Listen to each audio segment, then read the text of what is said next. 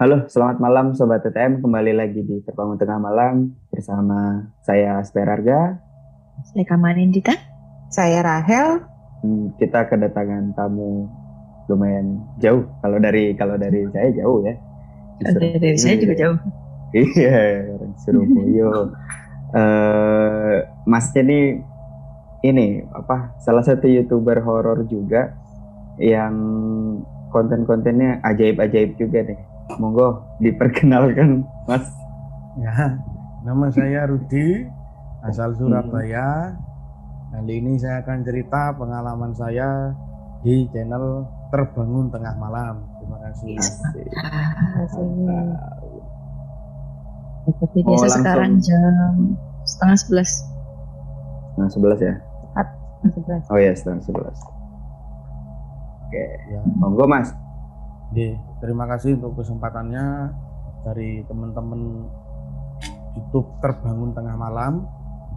Kali ini saya akan bercerita pengalaman pengalaman saya saat saya ke Jogja itu di luar nalar lah menurut saya masih misteri sampai saat ini saya mencari jawaban ke orang-orang pun nggak ada yang bisa jawab. Hmm. Pada tahun 2015 saya itu berlibur ke Yogyakarta dari Surabaya dan pertama kali ke Yogyakarta. Saat itu saya berangkat sama salah satu teman orang saya, teman SMP saya, namanya Alan. Jadi kita cuma berangkat berdua. Di hmm. situ kita janjian karena penginapan dan lain-lain. Teman saya yang dua orang yang lain yang punya rumah di daerah sana, orang sana yang ada di Surabaya tapi rumahnya di Jogja. Misalkan saya berangkat hari Senin, hmm teman hmm. saya dua orang yang lainnya berangkat hari Rabu. Otomatis saya harus tinggal di sebuah hotel atau penginapan di daerah Malioboro. Oke. Okay. Setelah hari Rabu, hari Kamis ke hari Kamis, saya datang ke rumah teman saya di daerah Kaliurang.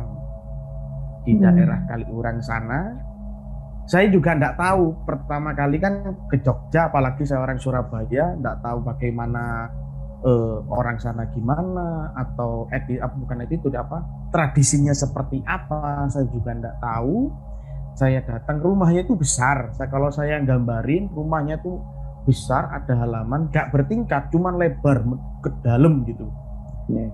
yang tinggal hanya seorang diri kakek dari teman saya itu hmm. kakeknya itu mohon maaf uh, dulu itu itu apa pakai kursi roda nggak bisa jalan apa pakai tongkat kanan kiri nggak bisa jalan lah intinya hmm. saya itu saya masuk ke dalam rumah itu banyak kamar dan banyak space kamar dan ruang halaman tengah itu sangat lebar dan kosong tapi saya diposisikan di sebelah kanan rumahnya pokoknya itu ada space kecil dan tidur di sana semua saya juga dulu kan tidak pernah berkait mengkait-kaitkan atau bagaimanapun tentang hal-hal seperti itu. Saat pertama kali saya mau ke kamar mandi, di sana ada sumur yang gelap gulita berserta dapur. Hmm. Saya dipeseni sama cucunya atau teman saya yang orang sana. Ini di sini ke sumur ini ada bapak, ibu sama anak sekeluarga Hmm. Aku jawab sekeluarga opo ngono. Lah wong iki gak uang ngono. Hmm. Yang berhubungan seperti itu. Dia mengakunya ke saya anak yang bisa melihat atau apa kayak gitulah anaknya itu. Oh di situ wis jangan aneh-aneh. Oke, saya gitu aja. Saya mandi dan lain-lain, selesai semua. Kalau setiap malam, kalau di Surabaya kan kalau tidur ya tidur, kalau di sana kalau tidur kakeknya itu nyetel lagu-lagu Stiden terus digetno dibesarin. Hmm. kayak gitu-gitu. Ya saya sedikit merinding lah waktu itu gitu. Lagi lagu opo gini opo mana yang saya diem aja. Mau ke kamar mandi malam-malam pun nggak berani. Salah satu teman saya yang namanya Alan yang hmm. katanya dia ngaku ke saya bilangnya ada cewek yang di dekat sumur terus dia gak mau mandi selama satu minggu cuman mandi di kamar mandi hmm. kalau di rumah itu saya tidak pernah melihat apa-apa di rumah itu hmm. mungkin hanya hmm. kayak pintu kebuka serak serak serak serak terus ruangan yang tengah kayak ada orang main pingpong kayak apa gitu oh. setelah tiga hari setelah tiga hari saya kan kalau mau ke Malioboro kan agak jauh dari Kaliurang Sleman sana yeah. Hmm. Itu jam 11 malam saya itu mau keluar mau mau ke Malioboro namanya juga. Wis betah-betahin keluar-keluar aja malam-malam kayak gitu. Berdua itu cuman berdua sisanya di sana. Hmm. sebelum itu keluar sebelum itu kan ke Malioboro udah sering. Kita itu sama Alan teman saya itu udah meta. Kalau lewat jalan sini ini agak jauh. Hmm. kalau lewat jalan sini ini alternatif. Kita nanti lain kali ke Malioboro lewat alternatif aja ya udah ditandai udah hafal gitu. Jam 11 malam saya mau keluar saya bilang Lan kita lewat jalan alternatif aja ya. Hmm. awakmu lah wis hafal sih gitu. ya Rut ayo Rut. Ya udah kita jalan berdua aja jalan jalan jalan jalan. Ngikuti jalan bener dia. Kanan Rut kiri Rut itu lurus Rut. Saya udah meta oh iya lurus lurus ada gubuk lurus aja. Oh itu ada ada, ada gubuk kecil ya lurus lagi. Kok tiba-tiba saya itu mau terjun ke lahar dingin ini loh Wah, wisata lahar dingin Kaliurang wisata lahar dingin Kaliurang itu loh Hmm. yang ada jembatan bawah itu lahar dingin. Lah saya itu mau ke sana saya itu dalam posisi sadar, Hmm. dalam nggak posisi sugesti halu nggak, wis melaku ambek omong-omongan. Hmm. Lah sing Alan itu bilang saya, lo kok tembus kene, kok tembus sini kita ini. Ya aku nggak tahu ini jalan itu. Terus di sana itu bukan ada percabangan, ada ke kanan cuma satu, serong gitu jalan kanan, kita ngikuti itu. Kita ngikuti, ngikuti, ngikuti, kok dadak no saya itu sama Alan nggak tahu di mana ada kayak jalan itu batu-batu besar batu-batu Hmm. besar kanan kirinya kayak pohon-pohon pinus saya tuh jalan yang saya takutkan pertama itu bukan sosoknya bukan apa di tahun itu saya nggak mikirin gitu-gitu yang saya takutkan begal karena motor Iya. itu nyewa saya gitu. Lan ini di mana lan? Saya gitu. Eh Rut gak ada gak sing ditakoki nang kene. Ngomong gitu gak ada yang bisa ditanyain. Yang Alan itu yang mikirnya rada aneh mbak. Dia bilang gini tempatnya ini bagus ya kayak di horor-horor di film-film ya gitu. Lah aku mikir sing genalan ini. Ini jalannya kita lurus aja jalan nggak ada lurus kanan kiri lurus aja gitu. Lurus lurus bener lurus jalan batu-batuan ada gubuk gelap banget gelap gak ada lampu merkuri lampu tengah lampu desa gitu nggak ada. Saya tuh mau berhenti di itu di apa itu di gubuknya itu. Lah gubuknya ya peteng ya gelap juga. Kita lurus di tengah-tengah jalan kayak sawah kayak di alas itu ada rumah satu tapi Hmm. dia jualan toko kelontong toko-toko apa gitu setelah saya bilang nan coba tanya aja sama ibunya. Karena aku ya nggak bisa bahasa Jawa kromo nggak bisa Jawa halus kayak gitu kasar gitu. Ya tak kok dia tanya diarahin nggak tahu kayak lurus mau apa mentok kedul apa gitu kayak gitu. Saya tuh nggak mikir ibu-ibu itu apa entah orang atau apa saya nggak mikir. Pokoknya tanya gitu rumah itu di sana. Lah kok dadak no saya keluar udah hampir 20 menit keluar jalan balik di pertigaan awal lagi saya itu. Wih, balik di pertigaan awal lagi. Setelah dari sana wes kita jalan lewat yang utama aja. Walaupun lewat kuburan mbak lewat opo mbak opo wes jangan lewat ae. sudah dari sana besoknya kita itu mau cek. Hmm. karena siang-siang ya udah pulang melebur malam subuh-subuh udah siang atau sore. Kita cek ayo kita ke wisata merapi sing munggah yang naik itu kan deket gitu. Ya kita cek jalan. Gila jalan itu seperti awal nggak seperti kemarin malam kita cari desa yang petang sing gelap gulitan nggak ono. Nggak ada kita mau cari ini nggak ada mana lah nggak ada Ruth aku hafal lagi jalannya di sini saya juga hafal iya nggak ada tapi lah terus sing cewek ibu-ibu tua itu yang duduk sambil kamu turun tanya itu sopo gitu. Nggak tahu yo ya bilangnya ya uang lah ini ya orang lah gitu. Ya mau masuk akal nggak saya gitu kita aja jalan gelap gulita kayak gitu kok saya gitu. Ya orang kita cari keliling di sana nggak ada. Memang ada wisata lahar dingin cuma agak ke belakang. Wisata Kaliurang juga di daerah Kaliurang juga gitu. Tapi memang wisata Kaliurangnya ada. Kita jalan ke wisata Kaliurang ya tahu ya bener ini gitu. Hmm. tapi setelah itu ya wes. Ndak ndak berani lewat jalan alternatif lagi saya Mas Mas Rudi itu ibu-ibu apa nenek-nenek? nenek nenek nenek oh, gue mau nenek nenek pokoknya duduk itu gini duduk kayak orang tuh oh apa ya duduk ngelempo Gila. gitu Gila ya. Ah, ngelempo Nah, gak silang, lempok kakinya ke depan cuma ditekuk. Oh, Oke. Aku gak seberapa ngawasi wajahnya. Pokoknya ada cewek satu orang jualan kayak tuku, lontong.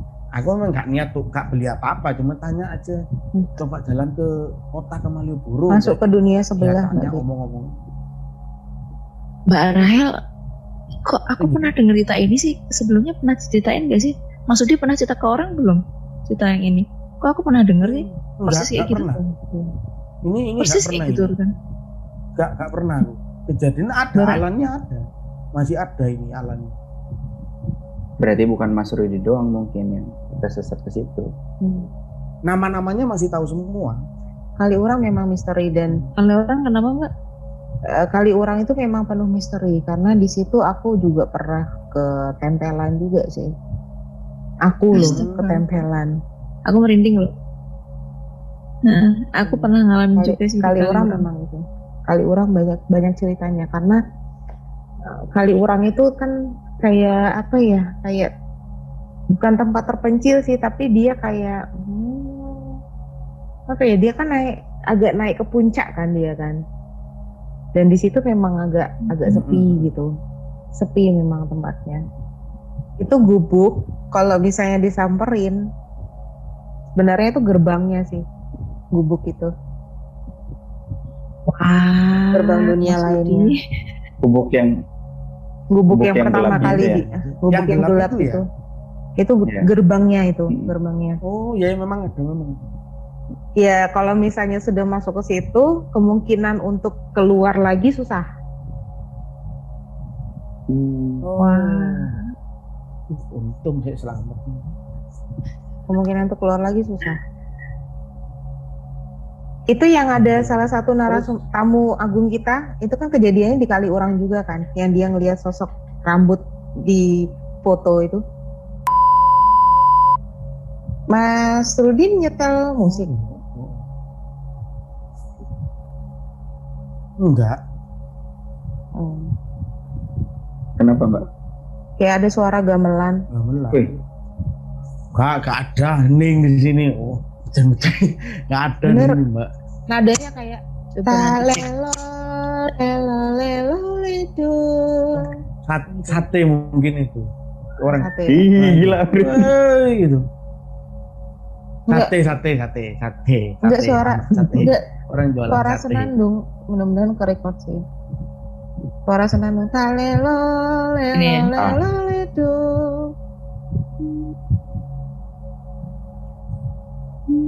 Kayak gitu. Hmm.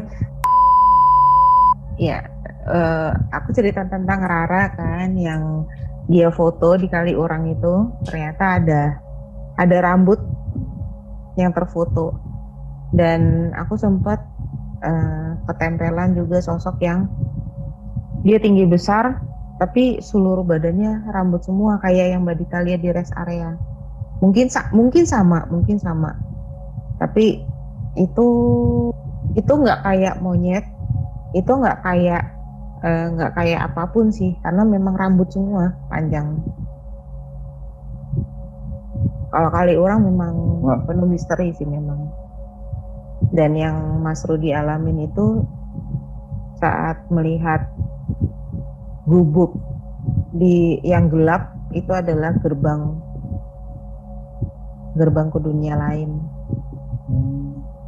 sempat kesasar ke dunia Iya. lain karena pada saat ditemu eh, dicari juga jalannya udah nggak ada ya Mas Rudi ya Iya. Hmm. Apa gubuknya nggak ada, udah nggak jalannya nggak ada. jalannya nggak ada masuk dunia lain Nggak ada. kalau Oh. bisa dibilang tingkat tingkat kemistisan kali orang itu 11-12 dengan alas roban Oh. tingkat kemistisannya karena memang yang yang punya daerah sana kan rajin kan ritual kejawen makin kuat energi-energi di sana Oh, tuh iya. makin kuat Mas Rudi lagi di rumah ya Enggak di itu di apa? Kantor. Studio. Hmm. ya kantor anggapannya gitu Studionya, studionya daerah mana Mas Rudi? Ya itu uner itu di daerah uner, Uner ya. Dekat Oh, rumah sakit Karangmunjangan Cuman jarak-jaraknya agak jauh ya. Di dekatnya ada ada ini ya banyak pohon besar atau apa gitu. ini perkampungan sempit kalau di luar ada kayak di luar gang gitu kalau di tempat ini sempit gitu gangnya gitu Oh. Ada kasus apa ya di sana ya Mas Rudi ya? Kok itu di jendela kok ada yang ngintip-ngintip? oh ini Mm-mm. nggak ya nggak ada sih mungkin nggak ada apa nggak ada sih pak Nggak- nggak. Terus selain Ada apa di belakang barang yang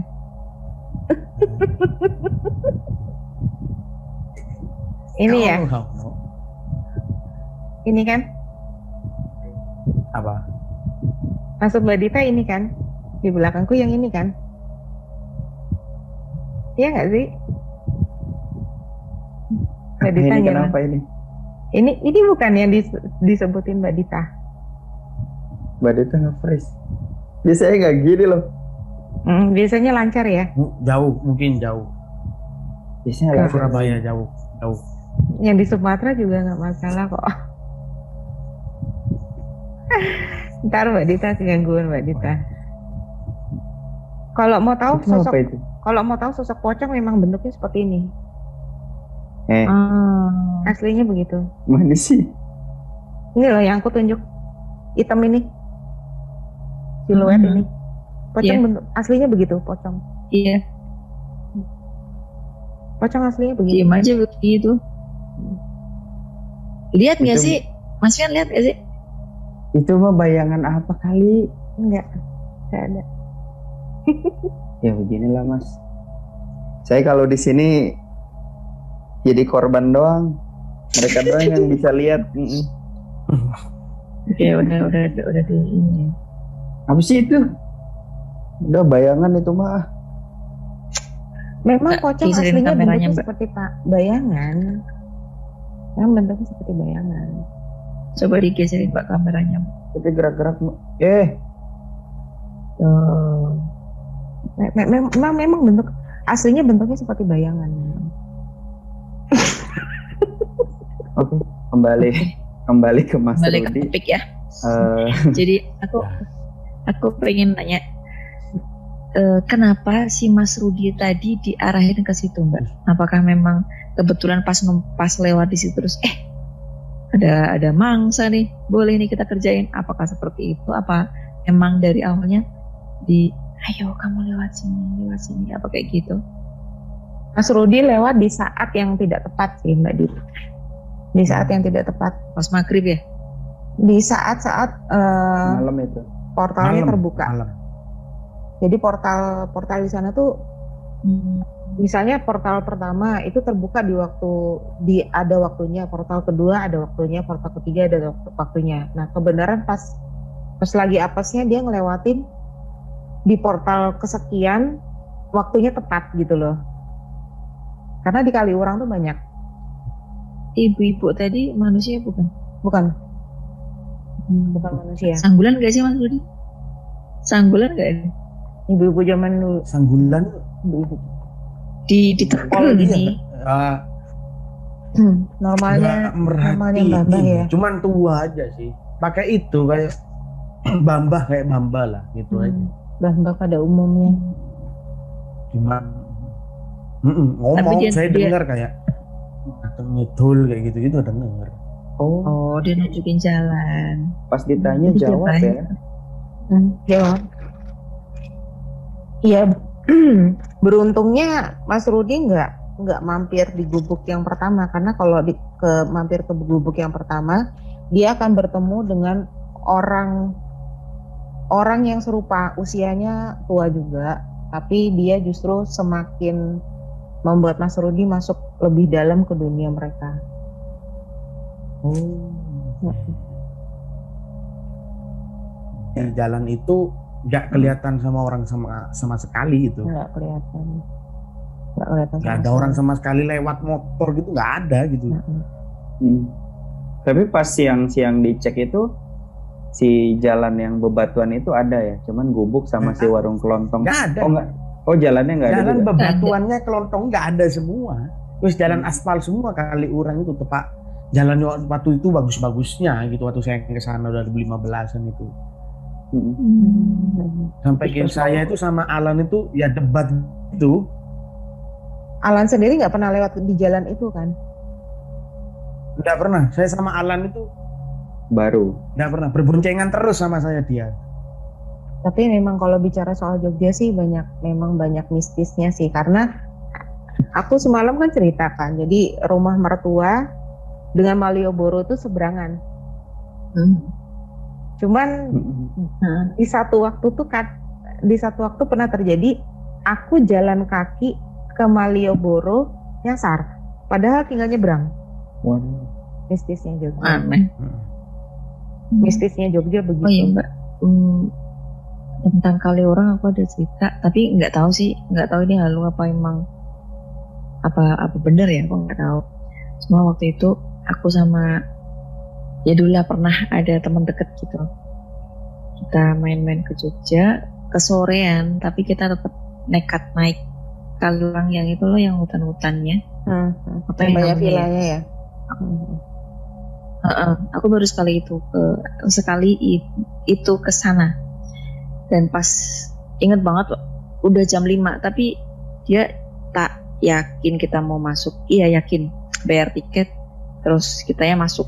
Itu udah nggak ada siapa-siapa dan kondisi hujan gerimis. Kita pakai jas hujan. Aku jalan itu di depan mbak dia di belakangku. Aku nggak pernah ke situ. Cuma rasanya itu kayak semangat gitu enteng. Ayo cepet ayo cepet ayo cepet kayak gitu terus. Sampai dia tak tak yakin tak mau lanjut tak. Ah wes, ayo ayo ayo kayak gitu rasanya. Tapi udah udah nyampe tengah-tengah nih udah maghrib. Udah gelap gitu aku langsung merinding terus berhenti. Astagfirullahaladzim. Aku ngapain ke sini? Udah gelap itu. Terus Iya balik-balik akhirnya kita balik berdua. Nggak ada siapa-siapa cuma kita berdua. Hmm. Waduh. Ya, pertanyaanku waktu itu waktu itu itu beneran niatku Diundang. sendiri apa? Ah, diundang ke sana. Untuk apa? Nggak tahu. Untuk apa mbak? Nggak tahu mungkin mau dijadikan dijadikan wadal kali Sana aja. Ya ilah. Wadal tuh apa itu ada wadal. Itu tempat jin bersemayam. Hmm. Iya, tapi untungnya pas pas itu ya udah mungkin azan maghrib kali ya langsung Astagfirullahaladzim terus ngapain? Sempat aku sempat berhenti gitu kan ngapain ini mau ngapain ke sini gitu terus ayo udah akhirnya balik balik kita cepet-cepet karena ya takut juga karena cuma berdua aja di situ Hmm. nggak ada siapa-siapa lagi mana kondisi udah hujan kitanya udah basah-basah gitu namanya pakai jas hujan kan makin lama kan tetap rembes kan Hmm. Hmm. Itu Mas Rudi. Oh iya, Mas Rudi mau tanya Horny Channel itu awalnya ini ya, eh Gojek ya, kurir Gojek gitu ya, yang punya cerita horor gitu atau gimana sih? Aku oh iya kayaknya kalau nggak salah gitu ya. Hmm, hmm. Tapi pernah nggak sih ada kurir ekspedisi yang cerita kejadian itu nggak ada kalau narasumber ekspedisi. Hmm. nggak ada kalau ekspedisi. Oh, gitu kalau di Horni kebanyakan itu ya cerita-cerita gunung gitu. Oh. Hmm. kalau selama selama bikin horny pernah ngalamin sesuatu yang aneh nggak Mas Rudi? Waktu kah atau ah, pas the didatengin tamu atau narasumber gitu itu sih waktu kita take jam 2 malam sama Mas Ocha itu Mas Ocha juga Ya. jam 2 malam itu take jendela saya kan di di studio ini kan bentuknya kerapiak jendela dulu gitu loh Mm-mm. yang hitam-hitam Mm. terus di bisa gitu. gitu. Lah itu, ha itu waktu menceritakan sosok anak kecil yang Belanda Mas Oja itu di kantornya. Lah jendela ini dianu begituin. Hmm. wow Angin pun kalau angin saya ndak ndak ndak bisa melogika itu angin karena di luar ada ada ada gantungan kayak jemuran itu ada jaketnya dari tim saya. Lah nggak mungkin kalau angin sampai bisa kayak gini saya gitu. Mm-mm. Itu anak Terus kecil. sam- Apa emang orang dari dari sosok dari situ, Mbak? Sosok dari situ. Nah itu yang saya bingung itu. Sosok Sosok dari dari situ ya situ. kayaknya bukan kalau anak kecil. Itu itu Waktu kemarin waktu juga studio ya itu, di studio yang Ya. tempat Mas Rudi sekarang apa? berada. Eh tappingnya di studio yang Ya sekarang. ini Karena di studionya memang Ya banyak ini, mbak yang- penunggunya. Hmm, tapi nggak ganggu gitu kan ya. Enggak, Yang penting kan itu. Cuman karena Enggak, baru baru lihat baru Maksud- lihat aku, Hah? baru lihat Mbak Dita, baru lihat Mas Pia. hmm,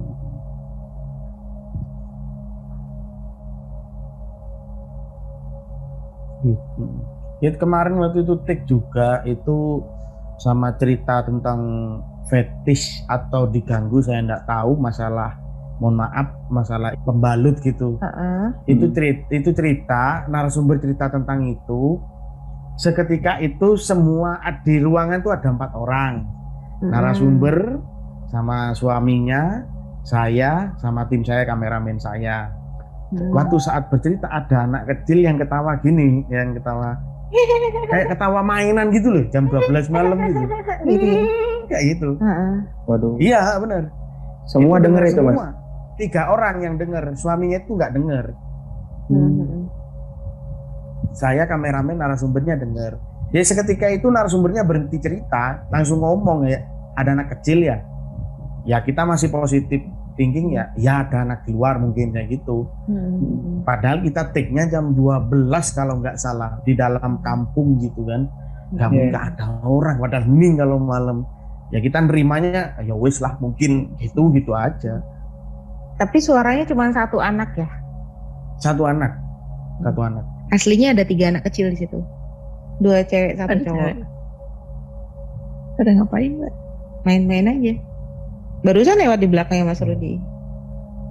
nah kan. oh biarin biar main nanti nggak ganggu hai.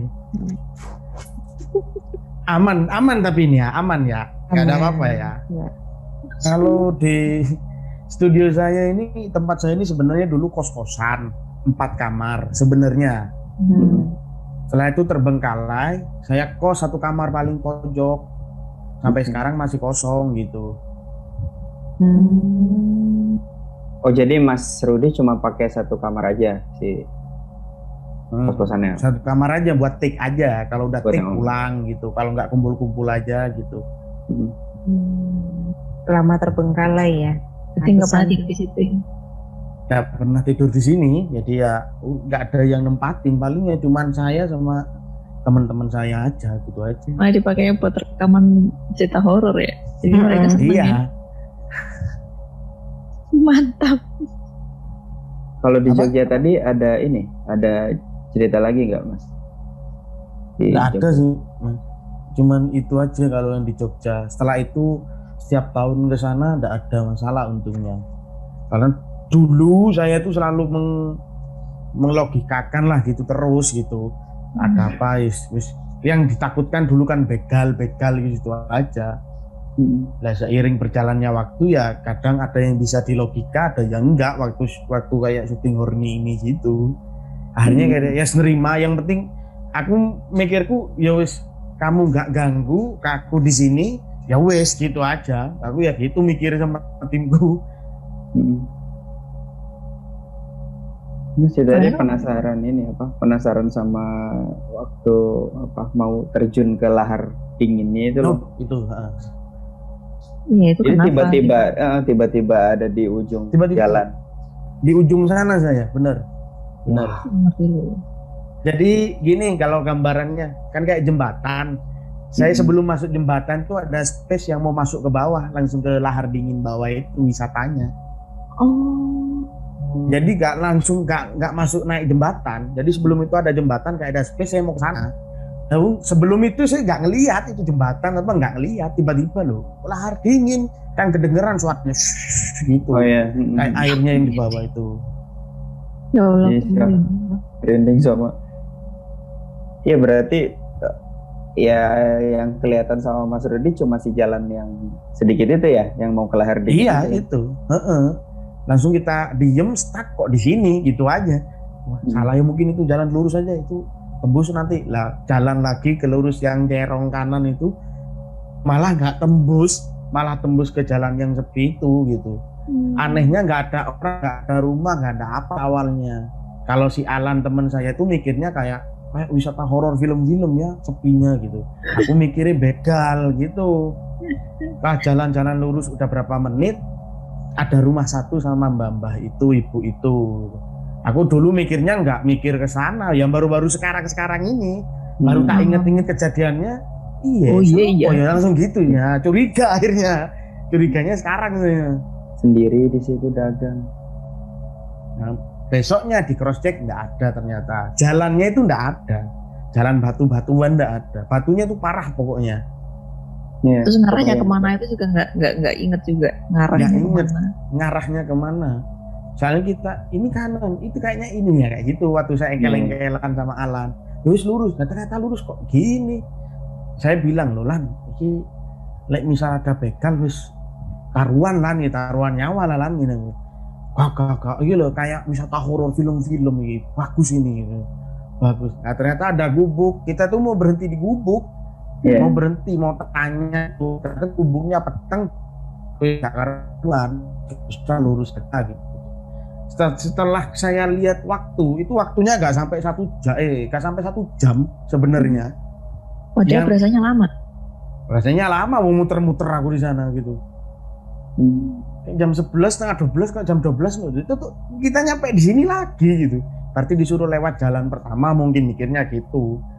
Jalan yang utama yang agak jauh muter ada lewat kuburan lewat apa gitu. Mikir kita ya menghindari itulah gitu awalnya lewat alternatif ya sudah kita lewat itu lewat jalan utama seterusnya akhirnya tidak Hmm. berani lewat alternatif nggak ada kan Jadi tadi ngapain itu? Nongkrong di situ. mau kenalan sama Mas Rudi Sangat Mas Rudi. Eh, bentuk bayangannya kan beda yang tadi kan bentuknya ada ada bahunya Mm-mm. Kalau mimpi itu sebenarnya ada kaitannya apa enggak sih Mbak Rahel itu? Ada ada kaitannya mas. Coba cerita Mas Mimpi. Kaitannya. mimpi-mimpi. masalah mimpinya tiap hari aneh-aneh. Eh, meden-meden nih masalahnya Wah seru yang, nih.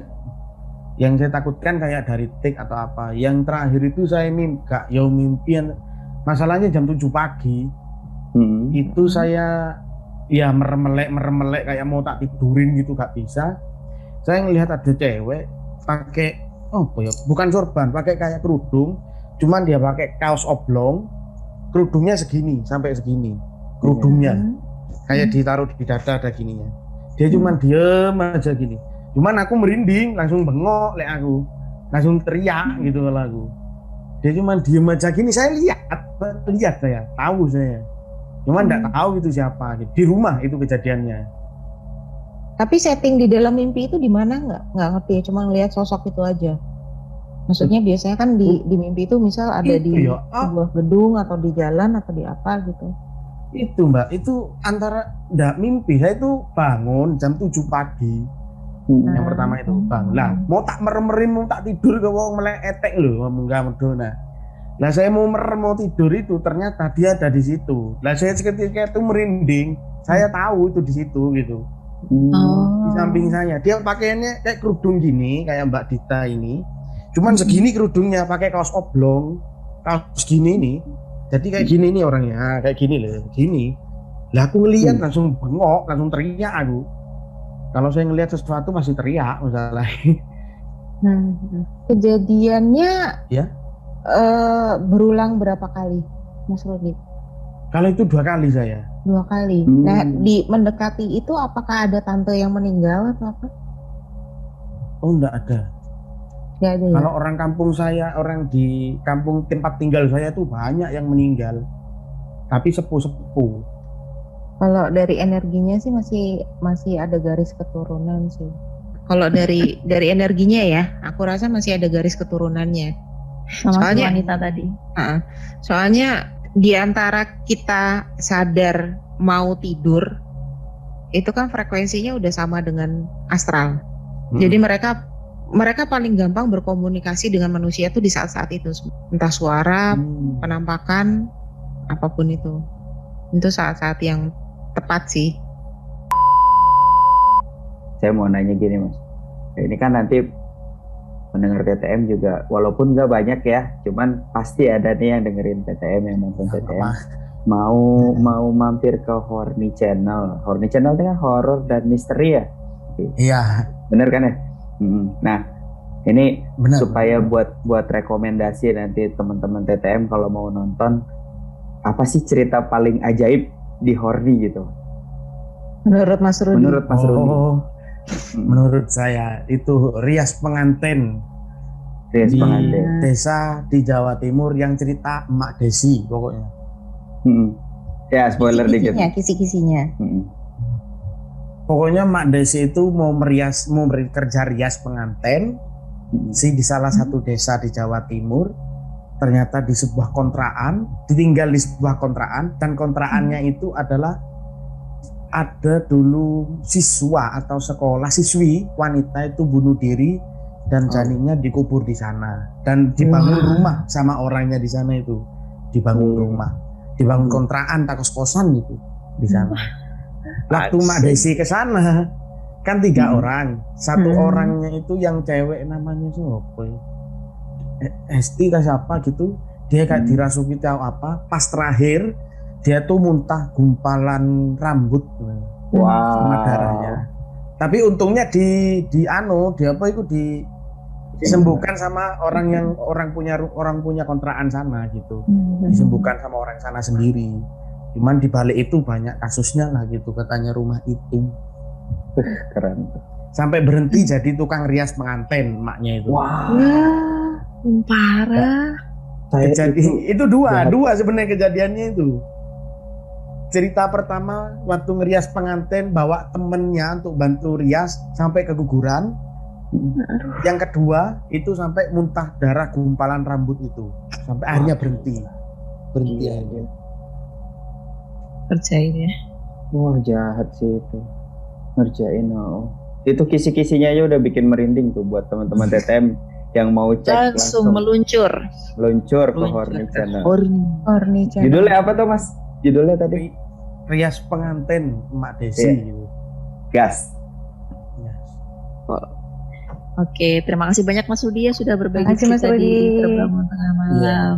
Saya minta maaf ceritanya kurang berbobot kayaknya ini. Enggak, enggak ada yang enggak Enggak enggak ada yang enggak berbobot. Gak ada yang gak Semuanya berbobot. Oke, terima kasih sudah menyaksikan TTM dan apa ya menemani TTM sampai saat ini. Dukung terus kami. Jangan lupa share sebanyak-banyaknya ke teman-teman. Jangan mau takut sendirian. iya betul Oke, kami pamit dulu dengan saya Kamen Nita.